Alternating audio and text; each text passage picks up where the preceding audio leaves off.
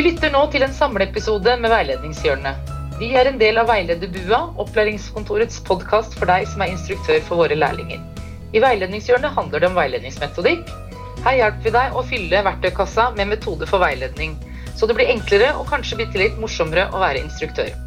Vi har her samla tre tidligere utgitte episoder, hvor vi bl.a. snakker om at gode råd ikke alltid er så gode, hemmeligheten bak smarte mål, og noen tips til hvordan veilede når ting kanskje ikke går så bra.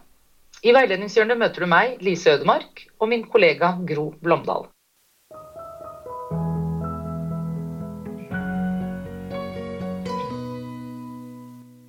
Vi har fått inn noen spørsmål fra instruktører, og et av dem er Jeg synes det er så vanskelig å veilede lærlingen når det ikke går så bra, for da er jeg redd for at lærlingen min blir lei seg. Og det er jo forståelig. Og det å vise omsorg for noen, det er jo bra, så man, eh, man skal ikke helt eh, tape den evnen til å, å, være litt forsiktig og ikke gå for sterkt ut når man skal si noe om det som ikke går så bra. Det tenker jeg er fint at man tenker litt på. Eh, for vi jobber jo i et omsorgsyrke. Men som instruktør har man et ansvar for opplæringen, og at læringen utvikler seg. Så hvordan gi den negative tilbakemeldingen? Jeg tenker kanskje det kan være lurt å spørre istedenfor å påstå. Spørre er alltid lurt. Hvis du får sånn herre du, det der gikk skikkelig dårlig, så ha, lufta går litt ut av deg. Og så får du lyst til å forsvare deg også. Ja, ikke minst. Ja. Så, så, hvis du spør litt og får lærlingen til å reflektere rundt det som har skjedd, eller det som trengs å forbedres litt Spør litt sånn Hva syns du? Er det noe du ville gjort annerledes i den situasjonen? Er det noe annet du vil gjøre noe annet neste gang? Eh, hvis du skulle gitt deg selv et område å jobbe med i neste måned, hva ville det vært? Denne type spørsmål. Mm. Og, og, det med å spørre du er jo veldig fint, men også at man tenker på vi. Hva, hva er det vi sammen, jeg som ja. instruktør og du som lærling, hva er det vi kan, kan uh, skal jobbe med her? Og hvordan kan vi komme fram til best mulig resultat for deg og din læring? Sånn at man på en måte sier at dette er noe vi skal gjøre sammen. At ikke det er bare du som ikke er flink nok. Ja, for det er sånn det kan oppfattes som uh, for lærlingen. da. For da styrker du jo fellesskapet dere imellom. At vi, oi, vi er et vi, vi mm. faktisk, og vi har et felles ansvar. Og det, ble, det var ikke bare min skyld, eller det er ikke jeg som er den som har feilet her, det kan eh, være at eh, det også handler om noe som skjedde i fellesskap. Ja, og så være, være klar over at det er eh, litt trygge lærling på at du skal, skal ikke være ferdig opplært når du, når du kommer og begynner som lærling. Nei, sånn at det må jo være greit å få høre hva, hva som ikke går så bra. For det er jo, så, Hvis man er ferdig opplært, så behøver man jo ikke noe læretid da. Så, så, man må jo trygge lærling på det, at det er sånn sett greit å få, å få uh, tilbakemeldinger. Men jeg tenker jo at det kanskje alltid kan være lurt å begynne ta utgangspunkt i det positive. da. Altså I positive tilbakemeldingene først, og så kommer man mer inn på Snike inn det negative. Snike inn det negative. ja. Eller eventuelt eh, forsøke å få lærlingen til å komme med det negative selv. Det jo, kommer, de spørsmåla du kommer med nå, går jo mye på det. Men det er lettere å, å innrømme det er lettere for meg å si hva jeg ikke er god på til deg, enn at du skal komme og fortelle meg det jeg ikke er god på. Hvis jeg får lov å komme med ja. det selv, så er det lettere å, å uh, ta tak i det. Og skal du få lærlingen til det, så kan du kanskje Det er det det med å spørre spørsmål, som du sa. Eh, hvis du skulle gitt terningkast på hvordan det går, eh, hvor, hvor, hadde du slått terningen? Og, og, ja, hva er det som skulle til for at du er bedre? Da vil de kanskje komme med de, de tingene som eh, ikke går så bra sjøl. Og så kan vi snakke om hvordan skal vi, eller jeg, hjelpe deg til at vi skal komme videre. Ja, og da, da, strekker man ut en hånd, og det tenker jeg også er viktig i en sånn situasjon.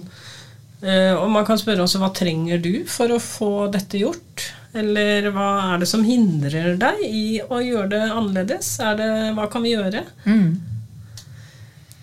Så, og oppmuntre, selvfølgelig, men det var du inne på. Kanskje komme, minne lærlingen på ting eh, som lærlingen har klart før. Altså, husker du når du hadde den samlinga, f.eks.? Da var du jo så flink til å holde på fokus.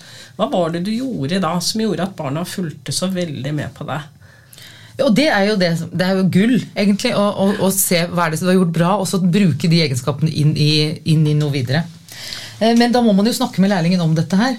Eh, stille de gode spørsmåla og reflektere over eh, svara. Ikke sant? Men dagens veiledningstips da, Lise? Vi har vært innom det. Ja, det blir jo det å reflektere sammen med lærlingen.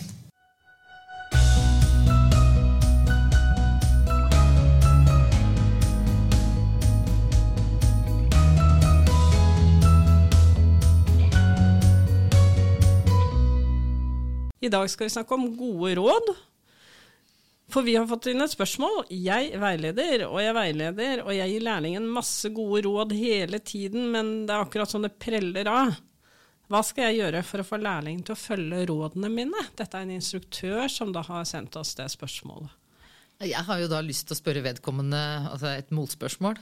I hvilken sammenheng er det du gir disse gode rådene?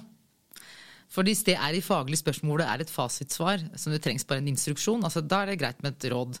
Hvordan skal oppvaskmaskinen på aks, hvordan fungerer den? Mm. Men om det ikke er noe fasitsvar, så vil jeg heller si slutt med å gi råd. Altså. Gode råd er ikke alltid så gode. Ok, slutt å gi råd, ja. Så da skal vi ikke gi råd lenger, mener du? Hvordan skal lærlingen da lære noe? Hvis vi skal la dem finne ut av ting selv, det er jo også ja, Hvis det er fasitsvar, som sagt, så trengs instruksjon, så er det greit å, å gi dem det. Men uh, ellers så kan det hende lærlingen sitter på noe info eller har noen tanker som ikke du har tenkt på. da. Ok.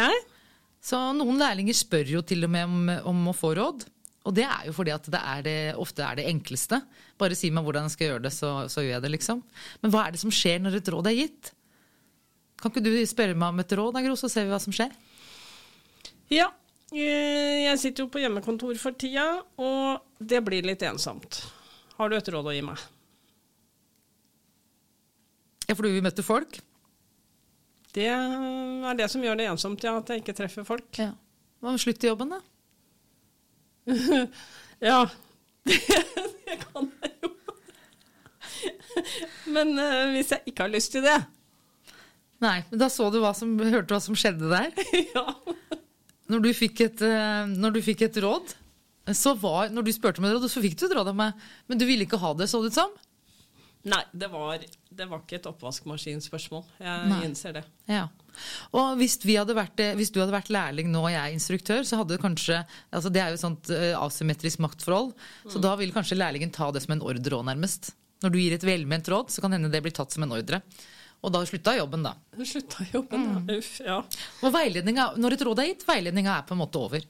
Mm. Men hvis jeg prøver å gi deg et annet um, råd, da. Hvis du da spør meg Ja, jeg sitter jo på hjemmekontor for tida, og det syns jeg blir litt ensomt. Har du et råd? Altså, Du er jo førskolelærer i, i Bonn, som det heter. Mm. Og har jo jobba sikkert andre steder, i hvert fall i barnehage i mange år, veit jeg. Ja. Hva med, Har du tenkt på å Begynne å jobbe i barnehage igjen isteden. Er, den er jo ikke stengt. Der er det folk. Ja, det er sant. Men det har jeg i grunnen ikke tenkt på. Nei. Ja, hvordan, eh, hvordan var dette? Var det råd noe bedre? Eh, nei. Det var jo Du spurte meg jo, men det var jo egentlig et råd, dette òg. Ja, Et såkalt fordekt råd. Har du tenkt på at uh, jeg pleier å gjøre sånn og sånn? Og det er et fordekt råd er på en måte for samme virkning.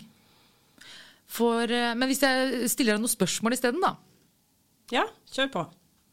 Hva altså Du vil ha et råd eh, om å, hva skal du gjøre i forhold til dette her med, med hjemmekontor. Du, hvis du sjøl skulle komme med noen tips, da, hva kunne det vært? Nei, det må jo handle om eh, hvordan det skal bli litt mer sosialt midt oppi hjemmekontorsituasjonen. Ja. Hva kunne det vært? Mm, nei eh, Ring en venn. Ring en venn, ja. Eh, og hvis du sier at du ringer meg nå, da, så, så sier ja. jeg hva, hva, er det du må gjøre for noe mer, da, Gro, for å finne svar på dette spørsmålet ditt? Jeg går ut fra at jeg kanskje ikke er aleine om det, så kanskje jeg skulle hørt med andre. Hva, om det er noen som uh, har gjort noe lurt ja. for å få det mer sosialt. For jo, jeg skjønner jo at det er det Det er det jeg er ute etter, å få det mer sosialt. Jeg er faktisk ikke ute etter å slutte jobben. Nei. Så egentlig så var spørsmålet om å få et råd du kunne spør, gitt meg, Hvis du hadde spurt, da Jeg vil ha et råd, kan du gi meg et råd til hvordan få det bedre sosialt? Kanskje du hadde fått et bedre svar? Mm. Kanskje ikke. Men dette mener jeg er et bevis på at uh, gode råd er ikke alltid så gode. Du fikk to råd av meg, ville ikke ha noen av dem. Nei, og det var jo fordi du på en måte ikke så for deg hva jeg egentlig spurte om. Nettopp. Nettopp. Sånn at vi må, eh, man må stille mer gode spørsmål isteden. Når du spør om et råd, så hvis jeg spør deg mye gode spørsmål, så kanskje det kommer fram ting jeg har tenkt på, men kanskje det kommer fram noen ting du har tenkt på sjøl. Kanskje du sitter med, med svaret sjøl egentlig også. Men ja. må du komme med et råd, så syns jeg at det er eh, mulig, altså, lurt å si det. Hei, jeg har et råd å komme med her. Jeg, jeg holder, altså, kan jeg få lov å gi det? For da veit du at du har fått et råd. Du kan si nei takk. Men som lærling så gjør du ofte ikke det. Dagens veiledningstips still flere gode spørsmål i færre gode råd.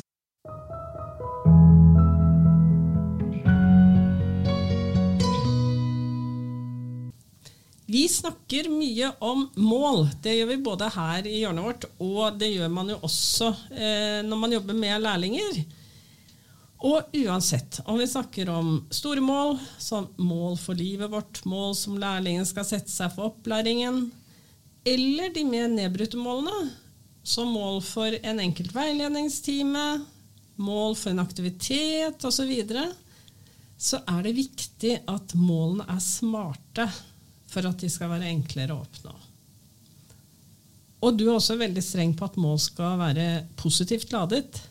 Hva legger du i det, Lisa? Har du noen eksempler? Um, det er lettere å sette i gang da, og gjøre, gjennomføre noe eh, i forhold til et positivt formulert mål. Et eksempel kan være fra mandag skal jeg begynne å spise frukt og grønt. Og det er da istedenfor at på mandag skal jeg slutte å spise junkfood. Som jeg egentlig er veldig glad i. Yeah. Da, mm. Så ikke, eh, ordet ikke og, og burde og sånn, det er lurt å, å, å komme Så jeg skal komme tidsnok hver dag positivt formulert mål, mens jeg skal slutte å komme for seint. Det hører du, det er liksom et negativt uh, formulert mål. Ikke. Ja, jeg hører det faktisk. Ja, Så bra. Men når vi to snakker om smarte mål, hva er det? Det er jo en modell eller metode som, uh, som brukes i veldig mange sammenhenger. for det å hjelpe deg til å lage et uh, mål da, som man lykkes med å gjennomføre. Så hver bokstav i ordet smart, eller smarte, har det blitt etter hvert, det er et kjennetegn eller en egenskap, en egenskap som eh, målet må ha da, for at det skal eh, være ja, funksjonelt. Fungere. Ja. Og S-en den står da for at det må være spesifikt. Så det må være et godt spesifisert mål. Det må være konkret som mulig. Har du et kort eksempel fra virkeligheten, Gro? Ja. Målet mitt er å komme i bedre form etter mye stillesitting, så må jo det konkretiseres mer, tenker jeg. Du kjenner jo ikke til hvor dårlig form jeg er i. Nei, helt riktig. Og, og uh, i tillegg til å være positivt formulert, da, uh, målet, så uh, i tillegg til at det er smarte, så bør de også være unngå såkalte flytord. Det var det jeg egentlig begynte å si litt om i stad. Det med burde og sånn. Og du sier noe bedre. Det er et flyttord. Flinkere, jeg skal bli flinkere til, jeg skal bli bedre til. Ja, bedre enn hva? Flinkere enn hva? Da må vi vite noe om, om hvor vi er, som du sier. Ja. Og burde prøve er det verste. Mm. Da burde prøve noe, da er det ikke sjans for at du kommer til å gjøre det. Jeg tar den. Skal vi gå til M-en? Da går vi til M-en. Det må være målbart. Det må altså være mulig å måle at uh, målet er uh, oppnådd. Eh, hvis vi tenker det målet jeg hadde om å komme i bedre form, så må jeg da definere litt mer hva det er. For å kunne måle det, ja? Ja, jeg må mm. si noe mer konkret om det. Ja. Der ser du ikke sant, at det flytordet 'bedre' ikke er så lurt å ha et mål. Mm. Annet står for attraktivt. Altså, det må være noe du, lærlingene, ungene har lyst til å oppnå. det målet. Hvis ikke så er det liten sjanse for at det vil skje. Vi har jo snakka om det at det må være positivt formulert. Eh, så A-en kan også egentlig stå for akseptabelt. Det må være akseptert av alle, alle involverte. Mm. Så jeg må tenke litt på hvor uh, viktig det er for meg. Er jeg villig til å bruke tid på dette til å komme i bedre form? Og hvor mye blod, svette og tårer er jeg villig til å ofre for dette målet? Mm. Og så er R-en, da. Da kommer jo den naturlig inn. Realistisk. Er det mulig å få til dette her innenfor, uh, innenfor de ressursene mm, du, dere har tilgjengelig? Det er liten vits i å ha flotte mål dersom det ikke er mulig å gjennomføre i praksis. Mm, så det vil jeg bruke tid på dette, f.eks. Det er jo en ressurs. Uh, og skal jeg prøve meg alene eller melde meg på noe? Skal jeg betale i dyre dommer for et treningssenter osv.? Det er det som ligger i dette nå. Ja, for Noen ganger så må man justere målet nettopp i forhold til det om det er realistisk. Jeg kjenner jo som sagt ikke formen din, men om målet ditt hadde blitt gjort mer konkret, da, til f.eks. å si jeg skal løpe maraton på under tre timer innen et år, hva hadde du sagt til det? du, det, ja, det tror jeg ikke jeg skal si noe om her og nå, Lise. Nei, da, går vi til T-en. Det skal være, tid, må være tidfesta. Når er det du skal ha oppnådd målet ditt? Når er det du skal ha øh, kommet i mål, da? Ja. Eh, jeg ville kanskje tidfesta det i begge ender òg. Når skal jeg starte? I morgen eller neste uke? Neste år? Eller øh, Og så videre. Og så når skal jeg være i havn? Helt klart. Det må og, jeg vite. Og én, den er, blir brukt øh, noen ganger som eh, ja, evaluerbar. Det ligner jo litt på det med målbart, men eh, det her handler kanskje om når sjekke når målet er nådd. Eh, så er det nyttig å ta en refleksjon rundt hele, og så evaluere hele prosessen.